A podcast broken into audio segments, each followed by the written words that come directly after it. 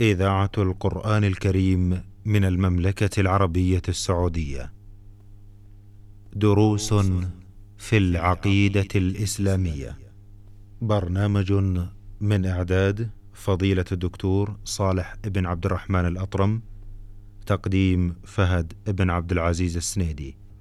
بسم الله الرحمن الرحيم الحمد لله رب العالمين والصلاة والسلام على أشرف الأنبياء والمرسلين نبينا محمد وعلى آله وصحبه أجمعين أيها المستمعون الكرام السلام عليكم ورحمة الله وبركاته. وأسعد الله أوقاتكم بكل خير. وأهلا ومرحبا بكم إلى حلقة جديدة في برنامجكم دروس في العقيدة الإسلامية. مع مطلع هذا اللقاء نرحب بفضيلة الدكتور صالح بن عبد الرحمن الأطرم. فأهلا ومرحبا بكم شيخ صالح. حياكم الله ووفق الله الجميع لما يحب ويرضى. حياكم الله. في الحلقات الماضية لازلنا نستمر في الحديث عن رسالته صلى الله عليه وآله وسلم عن عمومية هذه الرسالة وحكم من أنكر هذه العمومية وعن وجوب اعتقاد طاعته صلى الله عليه وسلم في كل مناحي الحياة. وشرنا إلى الأدلة الموجبة لهذا الأمر. نود في هذه الحلقة أن نتحدث عن حكم اعتقاد كمال الدين برسالة الرسول صلى الله عليه وآله وسلم وأنه ما توفي صلى الله عليه وسلم إلا وقد اكتمل الدين. فنتحدث عن هذا الموضوع إذا تكرمتم يا شيخ. بسم الله الرحمن الرحيم. الحمد لله رب العالمين والصلاة والسلام على نبينا محمد وعلى آله وصحبه أجمعين. أكمل الله سبحانه وتعالى برسالة محمد جميع الرسالات. ولهذا أكمل الله به الدين.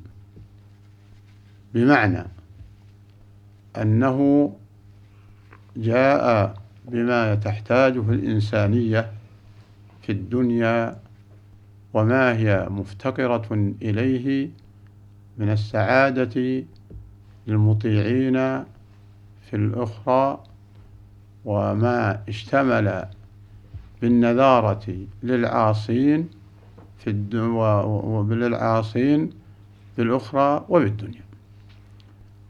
فأكمل الله سبحانه وتعالى بهذا النبي الكريم الدين بنص القرآن وبنص السنة.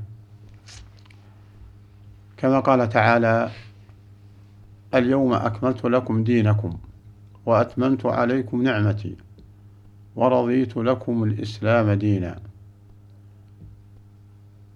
فهذه الآية لم يبقى بعدها عليه الصلاة والسلام إلا ثمانين يوما. فهي من آخر ما نزل في القرآن. ومن أوضح ما يدل على كمال الدين. اليوم أكملت لكم دينكم.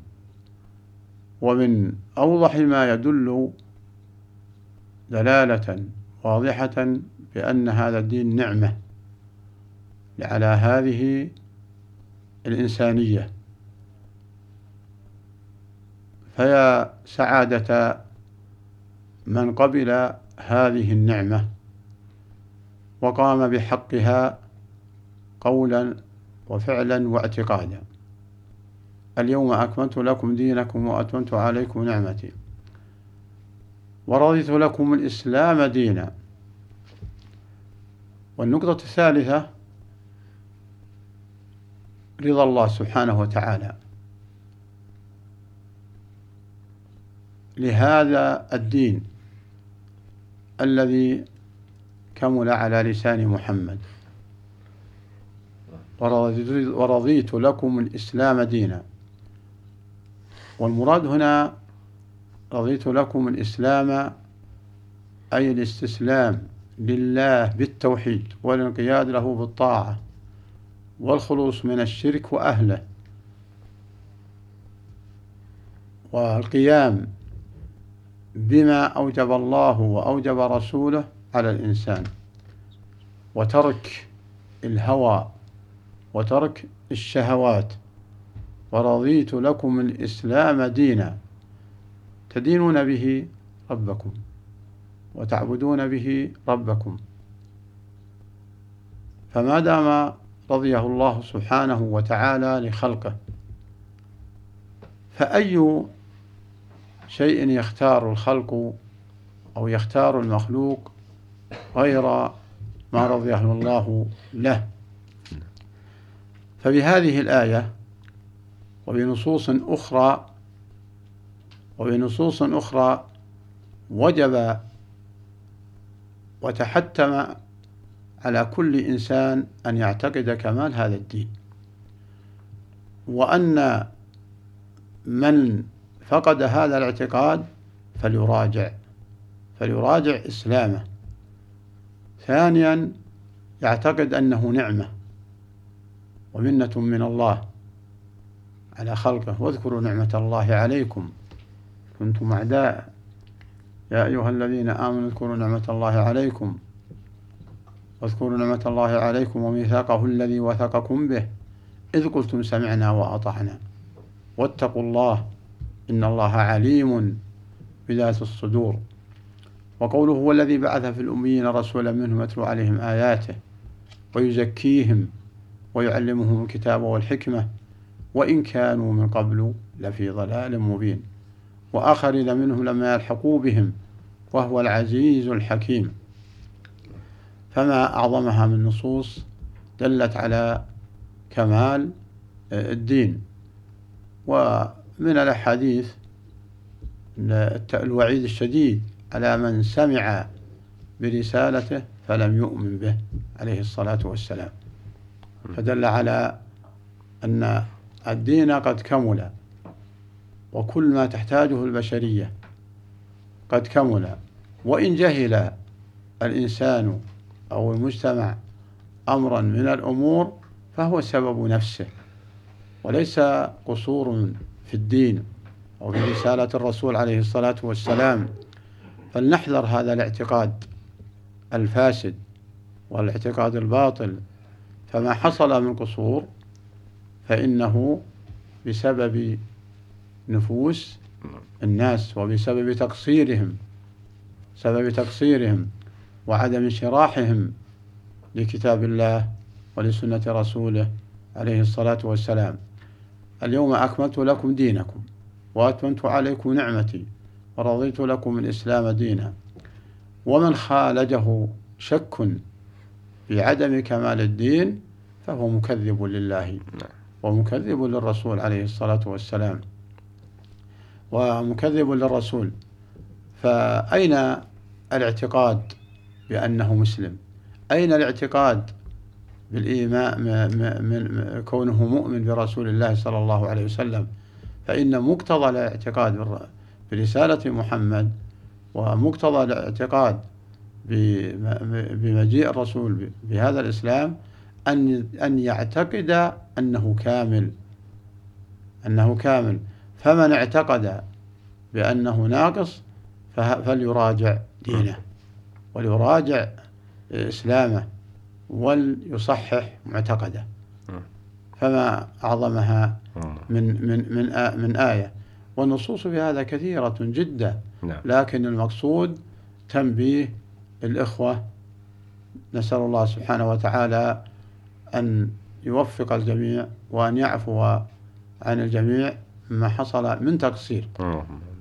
نعم. في قوله تعالى ما فرطنا في الكتاب من شيء. نعم. لا شك أن هذا الدين كامل وأن رسالته صلى الله عليه وسلم كاملة. ولذلك نلحظ أمثلة رائعة في سيرة الصحابة رضي الله تعالى عنهم وحديثهم حول رسالته صلى الله عليه وسلم.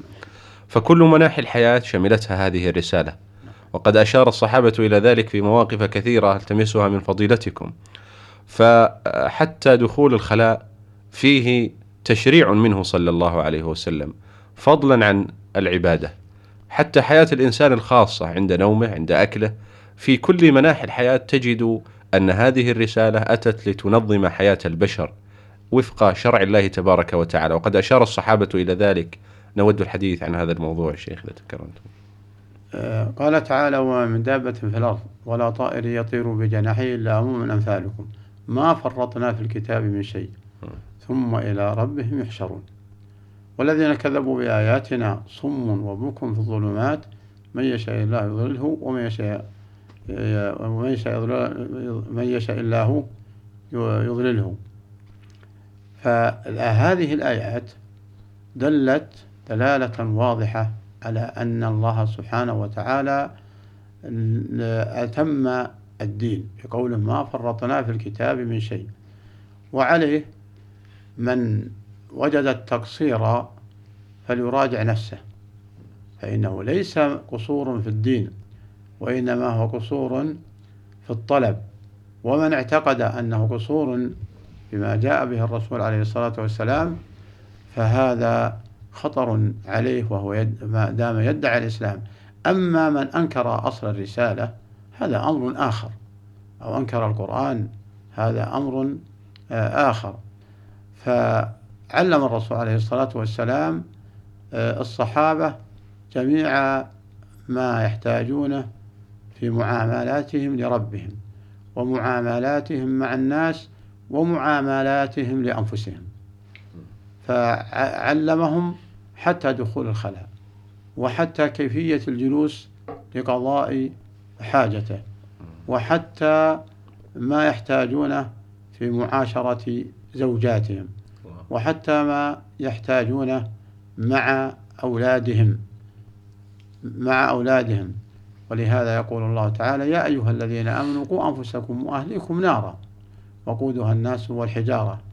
فدلت هذه الآية على أن هناك أسباب يقي بها الإنسان نفسه وأهله من النار. فإذا لم يتعلمها فالقصور آه، فالقصور آه، منه. ولهذا جاء في الذي رقى له إنسان ثم قال إنه ما شفي للرسول عليه الصلاة والسلام فالله قال صدق الله وكذا بطن أخيك. فالقصور يأتي من قبل الإنسان. في مسائل نعم. لما شرب العسل أمره النبي عليه الصلاة والسلام نعم. بشرب العسل نعم. أمره بشرب أمر بشرب العسل نعم. على أساس أنه شفاء. نعم. فقال له أو فاستطلق بطنه. استطلق بطنه بطنه استطلق بطنه بمعنى آه، اللي فهم أخوه أنه أن العسل ليس شفاء. والله يقول فيه شفاء للناس. فالرسول عليه الصلاة والسلام قال صدق الله وكذب بطن أخيك. فدل على أن الاعتقاد الاعتقاد له أثره في في معاملات الرب وفي قبول أوامره وفي قبول أوامره. فكونه يشرب العسل وهو يسخر أو يشرب العسل وهو يعتقد أنه ليس فيه شفاء والله يقول فيه شفاء أو نحو ذلك فهذا فهذا السبب جاء من قبل نفسه. ولربما يتناول شيئا لم يكن فيه سبب للشفاء لكن صادف قضاء وقدر فاعتقد أن هذا المتناول هو العلاج. فالإنسان يسير على الطريق المستقيم وما كان مغيبا فيتركه إلى الله سبحانه وتعالى. وله, وله الأجر على امتثاله لأوامر الله وقبوله كلام الله وقبوله كلام الله وكلام رسوله. هذا الملزوم هذا الذي يلزم الإنسان أن يعتقده. نعم. بارك الله فيكم يا شيخ على هذا البيان ونسأل الله تعالى يوفقنا وإياكم لكل خير. ونقولها بملء أفواهنا في ختام هذا اللقاء أن العالم بأسره يتخبط الآن في البحث عن مناهج تسير حركة هذه المجتمعات ونقول للجميع بأن الأمم والشعوب لن تستطيع أن تعيش حياة مريحة آمنة مطمئنة وأن هذه المجتمعات لن تسير أمورها أبدا ما لم تتمسك بشريعة الله تبارك وتعالى وبرسالة نبيه صلى الله عليه وسلم. هذه الرسالة التي شملت كافة مناحي الحياة وضمنت لمن طبقها تطبيقا صحيحا أن يوفق في الدنيا فضلا عن الخير والأجر الذي يدخر له في الآخرة. فنسأل الله تعالى أن يمن على الجميع بالهداية والتوفيق وأن يوفقنا جميعا لاتباع شرعه والاحتكام إلى سنة نبيه صلى الله عليه وآله وسلم. في الختام مستمعينا الكرام تقبلوا تحية زميلي أحمد الغامدي من الهندسة الإذاعية. حتى نلقاكم في لقاء قادم. بإذن الله نستودعكم الله. السلام عليكم ورحمة الله تعالى وبركاته. دروس في العقيدة الإسلامية.